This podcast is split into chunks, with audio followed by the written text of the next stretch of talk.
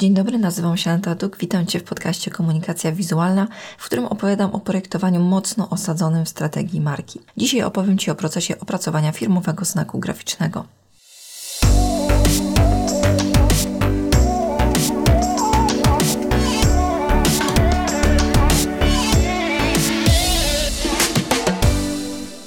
Generalnie, żeby przystąpić do projektowania znaku zgodnie ze sztuką, powinniśmy mieć gotową strategię marki i opracowaną na jej podstawie strategię komunikacji. I co najważniejsze, opracowanie znaku to nie narysowanie jakiegoś tam znaczka, a opracowanie tożsamości wizualnej, komunikacji wizualnej czy też identyfikacji wizualnej. Nie zawsze jednak tak jest. W przypadku małych i średnich przedsiębiorstw taka idealna sytuacja występuje wyjątkowo rzadko. O strategiach będziemy jeszcze rozmawiać, po co one i czy rzeczywiście są takie trudne i do czego mogą się przydać, ale dzisiaj chciałabym skupić się na samym procesie i na tym, co potrzebuje wiedzieć o marce, aby podjąć się zadania opracowania jej symbolu, jej twarzy. Od zawsze zadawałam sobie pytanie po co. Gdy klient przychodził do mnie, żeby coś zaprojektować, ja pytałam, a po co to? Jakkolwiek by to nie brzmiało dziwnie, Grafika użytkowa jest robiona w służbie czegoś, ma spełnić określone zadanie. Jeżeli mam ułożyć ładnie tekst, to mogę go ułożyć ładnie, ale co do zasady, ulotkę, plakat, czy też jeszcze jakikolwiek inny materiał służący do komunikacji wizualnej nie robi się po to, żeby ładnie wyglądał. Zwłaszcza, że ładnie jest bardzo względne. Podobnie jest z logo. Jego zadanie jest znacznie szersze niż ładnie wyglądać w oczach prezesa czy właściciela firmy. Co potrzebuje wiedzieć na temat marki, żeby zaprojektować logo? Martin Neumayer w swojej książce The Brand Gap pisze, że musimy odpowiedzieć sobie na trzy zasadnicze pytania. Kim jestem, co robię i dlaczego to jest ważne? Ja uzupełniłabym jeszcze o trzy kolejne, dla kogo to robię, kto robi podobne rzeczy i co robię inaczej. I teraz pokrótce opowiem, dlaczego potrzebuję odpowiedzi na te wszystkie pytania, zamiast po prostu poprosić o nazwę firmy i zapytać klienta, jakie loga mu się podobają, jakie kolory i styl. Pytanie numer jeden. Kim jesteś? Czyli kim jest firma mojego klienta? Tutaj chodzi o prostą odpowiedź. Na przykład, jesteśmy krajowym producentem akcesoriów medycznych. Gotowe. Akurat to jest z pewnością łatwe do wyjaśnienia i zrozumienia, po co taka informacja przy projektowaniu identyfikacji wizualnej. Najprostsze tego typu usługi przede wszystkim bazują na tych danych, czyli nazwa firmy plus branża plus upodobania szefa. Pytanie numer dwa. Co robisz?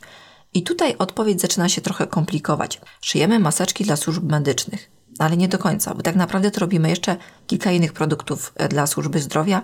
Fartuchy, czepki, prześcieradła jednorazowe, a ostatnio tworzyliśmy nową linię produkcyjną i zaczynamy ta, ta, ta, ta, ta. Tutaj robi się trochę problem z wyartykułowaniem, czym dokładnie zajmuje się firma i jak to zwerbalizować w krótkim, jasnym przekazie. Rozpiętość oferty jest związana z architekturą marek. Staram się zwrócić uwagę osoby decyzyjnej na fakt, że nie zawsze dobrym pomysłem jest wrzucać całą ofertę pod jeden brand, i na odwrót, w zależności od konkretnych produktów i usług, może się okazać, że powstałe wcześniej rozdrobnienie na wiele brandów było nieuzasadnione. Konkretne opracowanie architektury marek jest niezbędne do wizualnego ich uporządkowania. Pytanie numer 3. Dlaczego to jest ważne? Jaki konkretnie problem rozwiązuje Twoja marka? Lub jaką potrzebę zaspokaja? Z jakiego powodu Twoi klienci mają to kupować? Gdy wiem, co jest głównym celem istnienia marki, czyli w jaki sposób stara się ułatwić życie swoim klientom lub uprzyjemnić to życie, staram się to pokazać i wyeksponować w projekcie. Pytanie numer 4. Dla kogo to robisz? Czyli Twoja grupa docelowa. Najlepsza sytuacja to umiejętność zdefiniowania persony klienta, czyli osoby, do której chcesz mówić przede wszystkim. Myślę, że tego nie muszę tłumaczyć, dlaczego to ważne przy projektowaniu komunikacji wizualnej. Inaczej zaprojektujemy przekaz dla pięcioletnich dziewczynek. Inaczej dla mężczyzn codziennie uprawiających sport, a inaczej dla kobiet w ciąży, a jeszcze inaczej dla studentów, biorąc pod uwagę fakt, że podane cechy mają istotne znaczenie dla sprzedawanego produktu. Pytanie numer 5. Kto robi podobne rzeczy, czyli konkurencja. Analiza konkurencji jest dla mnie bardzo ważna. Marka, dla której projektuję identyfikację wizualną, musi się przede wszystkim w pozytywny sposób wyróżniać. Dlatego muszę poznać konkurencję i ogólnie branżę. I pytanie numer 6. Co robisz inaczej, a najlepiej, co robisz lepiej? Czyli Twoja przewaga konkurencyjna, różnice pomiędzy Twoją marką a konkurencją muszą tkwić wewnątrz. Odróżnienie wizualne będzie symbolem tych różnic. Muszę poznać te różnice, aby dobrze je zaakcentować. Te informacje staram się uzyskać od klienta podczas pierwszej rozmowy. Przykładam bardzo dużo wagi do elementu identyfikacji wizualnej, jakim jest znak graficzny. Wraz z podstawową księgą znaku bardzo często jest on pierwszą identyfikacją wizualną marki. Jestem przekonana, że znak sam nie poradzi sobie, jeżeli cała reszta będzie w bałaganie, ale jednak to znak jest twarzą marki i to on pozostaje z marką najdłużej. Przykłady McDonald's, Apple, Nike, CPN, Coca-Cola to przykłady samych silnych brandów. Jeżeli uda się stworzyć znak ponadczasowy, to musi minąć kilkadziesiąt lat, żeby zaczął wymagać liftingu i to często liftingu, a nie całkowitej zmiany. I to jest moim celem podczas procesu opracowania logo. Stworzyć znak, który przetrwa próbę czasu. Elementy opracowania logo. Za chwilę przejdziemy do etapów opracowania znaku. Zanim jednak to zrobię, spróbujcie w myślach oszacować, ile czasu trwa opracowanie znaku. Od pierwszego telefonu, maila od klienta do finalnej wersji z podstawową księgą znaku. Trzymajcie w myślach tą odpowiedź, a na końcu, jak przejdziemy wszystkie etapy, będziemy mogli to zweryfikować. Punkt pierwszy. Rozmowa. Zaczynam od rozmowy z klientem, telefoniczna lub spotkanie na żywo. Czas około 1 do 3 godzin. Rozmawiamy o wszystkim, co związane z firmą, nawet jeżeli firma nie ma spisanej strategii na papierze lub w pewien sposób uświadomione, wymienione wcześniej elementy, staram się dowiedzieć, czy intuicyjnie nie podąża za takimi. Czasami silna osobowość właściciela, założyciela powoduje, że to wszystko tak naprawdę jest, tylko nie zostało zwerbalizowane lub spisane. Najgorsza jest sytuacja, gdy pozostaje tylko jedno wielkie nie wiem i jedyny cel jest zarobić pieniądze. Wtedy ciężko jest zaprojektować symbol marki, która tak naprawdę nie istnieje. Trzeba by było ją dopiero stworzyć. Warto wiedzieć, że logo nie tworzy się dla firmy, tylko dla marki. To często popełniany błąd. Na przykład PPH Ziomex to nie marka, to nazwa firmy dla urzędów. Na przykład Play to P4 spółka ZO, P4 to firma, Play to marka. Firma może istnieć na różnych zasadach, jeżeli jest odpalona działalność gospodarcza i coś tam się sprzedaje w sposób zorganizowany, to jest to firma. Natomiast marka potrzebuje odpowiedzi na pewne pytania. Marka to jest niezmaterializowana idea, którą będziemy budować w głowach odbiorcy. Komunikacja wizualna ma dać złudzenie czegoś bardziej namacalnego, pomóc klientowi zwizualizować ją sobie, a logo ma być jej symbolem, twarzą. Punkt drugi. Brief. Po rozmowie z klientem przystępuję do spisania briefu. Brief spisuję ja. Dlaczego nie klient? Ponieważ klient bardzo często nie wie i ma prawo nie wiedzieć, co jest potrzebne do zaprojektowania symbolu marki, co jest istotne. Czytałam wielokrotnie briefy wypełniane przez klientów. Nawet jeżeli pytania były trafne, to odpowiedzi nie bardzo. Mój brief to przede wszystkim definicja marki, a definicją marki dla mnie jest to wszystko, co wymieniłam od początku tego odcinka. Dodatkowo pytam o genezę nazwy marki. Ostatnim, najmniej ważnym pytaniem to preferencje i upodobania mojego klienta. Pytam o to głównie dla swojej wiedzy. Jeżeli uznam, że nie dam rady tego wkomponować w identyfikację, to wiem, co mam argumentować później klientowi. Dlaczego to jest najmniej ważne? Ponieważ identyfikacja ma wynikać ze strategii, a nie z upodobań. Nie zawsze upodobania właściciela będą tożsame z założeniami marki, celami, personą jego klienta itd. Punkt trzeci. Dopracowanie briefu z klientem. Gdy mam już spisany brief, przesyłam go do osoby decyzyjnej w sprawie marki. Decydent musi zaakceptować lub dodać swoje uwagi.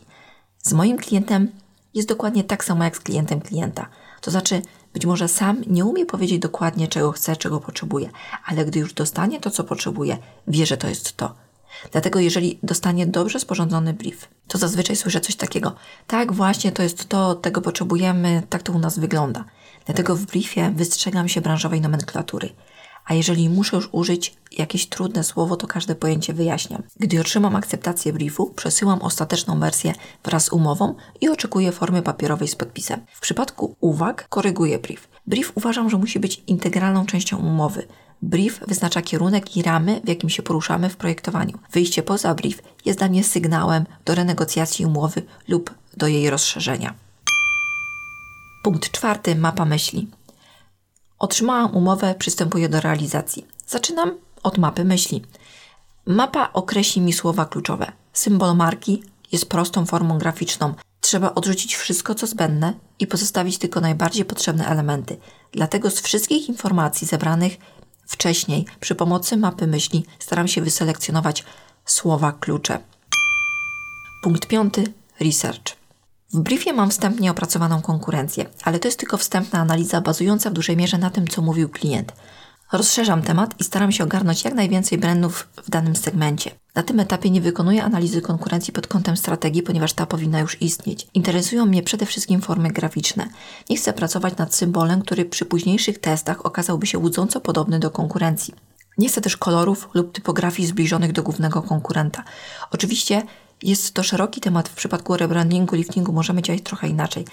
Generalnie research ma nie tylko uchronić mnie przed plagiatem, ale również zagwarantować marce wystarczającą wyrazistość. Na tym etapie poznaję też lepiej branżę. Na etapie briefu poznawałam markę, na etapie researchu poznaję branżę i kanony, sztampowe rozwiązania, przyzwyczajenia i wszystko to, co będę chciała przełamać, żeby wystarczająco wyróżnić markę klienta. Punkt szósty, moodboard, czyli szukanie inspiracji, a także szukanie odpowiedniego kierunku wizualnego.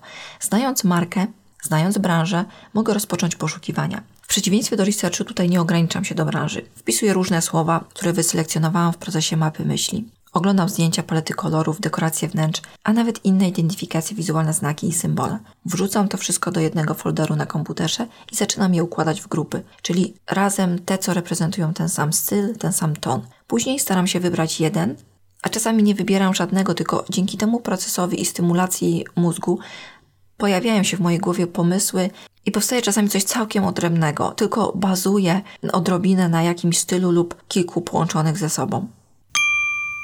Punkt siódmy. Gdy mam już konkretną wizję, przystępuję do szkiców. To jest etap, w którym u mnie występuje bałagan twórczy. Nie mam jednej kartki z równo następującymi po sobie szkicami.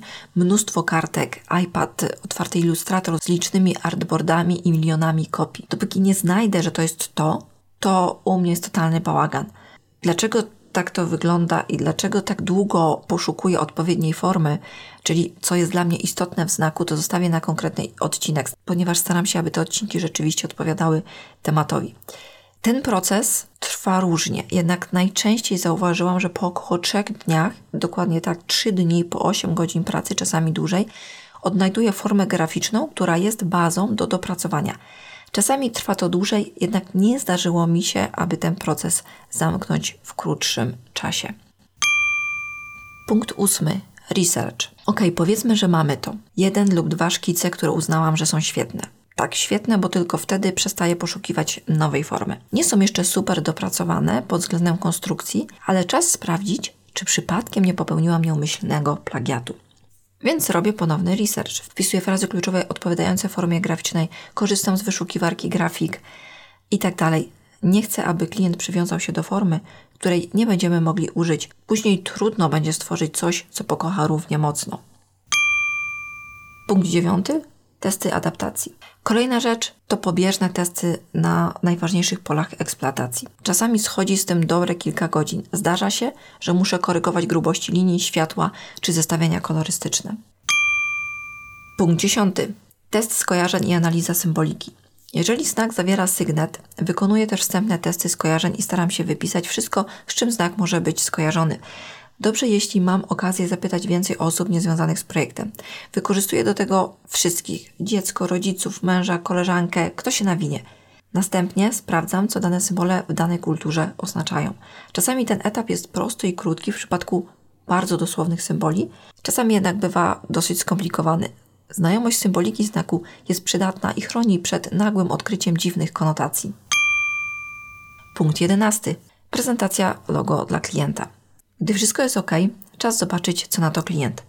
Po wcześniejszych etapach jestem wyposażona w dużą ilość wiedzy na temat prezentowanego symbolu, więc na tą okazję przygotowuję co najmniej kilka wizualizacji na najważniejszych polach ekspozycji. Opis dlaczego tak, z czego wynika ta forma i dlaczego uważam, że to będzie najlepsza reprezentacja marki. Robię też prezentację mapy myśli, taką już uporządkowaną, nie ten cały mój bałagan. Wszystko spinam w prezentację PDF. I perfekcyjnie byłoby zrobić prezentację osobiście, ale jednak najczęściej wysyłam mailem i po prostu czekam na informację zwrotną. Punkt 12. Informacja zwrotna, akceptacja lub uwagi. Gdy otrzymam informację zwrotną, to oczywiście są dwie opcje. Albo jest akceptacja, albo są uwagi. Gdy otrzymam uwagi, które są po prostu uwagami, to je wprowadzam, odsyłam i tak dalej. Czasami jednak muszę cofnąć się do szkiców. Tutaj proces się trochę zapętla, a możliwa ilość pętelek zależy od konkretnej umowy z klientem. Dodam tylko, że odkąd projektuję według takiego procesu i w taki sposób prezentuję projekt, uwagi lub powrót do szkiców zdarzają się rzadko. Częściej są to jakieś rzeczywiście drobne uwagi, ale też niekoniecznie. Wynika to z głębokiego zrozumienia klienta, jego branży i całego procesu empatyzacji. Bardzo istotne też jest dla mnie doprowadzić sprawy do końca i nie wyobrażam sobie zostawić klienta z rozwiązaniem, do którego nie jest przekonany. Dlatego tak ważny jest dla mnie moment poznawania marki, branży i klienta. Punkt 13. Dopracowanie i konstrukcja znaku. Gdy wyjdziemy z zapętlenia procesu i mamy akcept na tak zwane szkice, szkice tak naprawdę są u mnie w cudzysłowie, bo to nie są takie ołówkowe szkice w moim przypadku, głównie dlatego, że z moich doświadczeń wynika, że osoba spoza branży, która nie jest projektantem, nie umie sobie wyobrazić, jak projekt będzie się prezentował w określonych warunkach. Dlatego wizualizacja dla mnie to must have. Ok, gdy jest akceptacja, to pozostała praca jest już zdecydowanie bardziej techniczna. Trzeba dopracować znak, jego konstrukcję, upewnić się, że nie ma niepotrzebnych węzłów wektorowych, że tam, gdzie ma być okrąg, to jest okrąg, gdzie łuk, to łuk, gdzie kąt prosty, to kąt prosty i tak dalej. Powstaje dokładniejsza siatka dla znaku, odpowiednie pola ochronne i tak dalej. Punkt 14. Księga znaku. Kolejny etap to księga znaku. Jest to element czasochłonny, jednak również bardziej techniczny, ponieważ zbieramy po prostu wszystkie informacje, które już mamy w jedną całość. W najbardziej podstawowej wersji to jest znak, konstrukcja, pole ochronne, minimalny rozmiar do druku, minimalny dla weba, wersja na fawikonę, typografia, paleta kolorów, dopuszczalne zestawienia kolorystyczne. I ja dołączam jeszcze wcześniej wykonane wizualizacje i ewentualnie opisowe zalecenia, jeżeli znak tego wymaga. Punkt 15. Pliki. Tak, to jeszcze nie koniec. Teraz trzeba przygotować paczkę plików dla klienta. E, zazwyczaj to jest kilkanaście lub kilkadziesiąt plików w różnych formatach i rozmiarach i wersjach kolorystycznych. Dlaczego aż tyle? Bo uważam, że klient powinien mieć możliwość bez problemu korzystać ze znaku, bez konieczności użycia programu graficznego. Powiem więcej, dla bezpieczeństwa znaku tak powinno być. Punkt 16. Wysyłam do klienta pliki i księgę znaku. I punkt 17. Czekam na przelew. I to wszystko. Cały proces trwa zazwyczaj około miesiąca. Gdy mamy do czynienia z tą najprostszą identyfikacją wizualną, czyli znak plus podstawowa księga znaku. Gdy elementów jest więcej, proces ten oczywiście wydłuża się. Zaprojektowanie logo to nie jest narysowanie tego prostego obrazka, który jest ostateczną formą graficzną. To proces dojścia do tego, że to akurat taka forma graficzna, a nie inna ma się stać twarzą marki. A ile czasu Waszym zdaniem zajmuje taki proces? I tu jest moment na zweryfikowanie swoich wcześniejszych przemyśleń. Ja przeprowadziłam również ankietę na Instagramie, w którym zadałam pytanie, ile Waszym zdaniem zajmuje zaprojektowanie logo wraz z podstawową księgą znaku. I do wyboru były cztery opcje i wyniki były następujące. 4% osób stwierdziło, że wystarczy jeden dzień, 19%, że 7 dni, 38,5%, że 14 dni i 38,5%, że 30 dni. Czy któraś odpowiedź jest prawidłowa? Nie. U mnie proces opracowania znaków wygląda właśnie w taki sposób i trwa ten miesiąc w optymistycznej wersji. Z pewnością u innych osób może to wyglądać inaczej. Robiąc ankietę, bardziej chciałam wskazać, że po pierwsze, nie zawsze nasze wyobrażenia na temat czasochłonności pewnych prac są prawdziwe. Po drugie, czasami to są po prostu różne usługi. Zrobienie znaczka w jeden dzień to jest inna usługa niż dogłębne opracowanie znaku twarzy marki. Bardzo często w branży powstaje sytuacja, w której jabłka są porównywane do gruszek zamiast jabłka do jabłek, a gruszki do gruszek. Jeżeli projektanci borykają się z problemem zaniżenia wartości pracy, to właśnie z tego to wynika. Z wyobrażenia, czym ta praca jest. Przypadki, w których za tygodniową pracę projektanta zleceniodawca ma problem, żeby zapłacić 1000 zł, a bez problemu wyciąga ten 1000 zł na butelkę dobrego wina, bo jest koneserem, są bardzo częste. Wynika to z tego, że dokładnie zna wartość tej butelki i ją ceni, a wartości pracy projektanta na przykład nie zna, nie rozumie, to też będzie ją cenił niżej. Oczywiście tą butelką wina może być wszystko: laptop, telefon czy też wycieczka. Z tą myślą zostawiam Was, zapraszam do obserwacji mojego Instagrama pod nickiem Aneta Duk. Jeżeli podobają Wam się te treści, zostawcie proszę opinię w iTunes, komentarz na blogu, udostępnijcie w mediach społecznościowych lub po prostu napiszcie mi maila. Do usłyszenia. Cześć!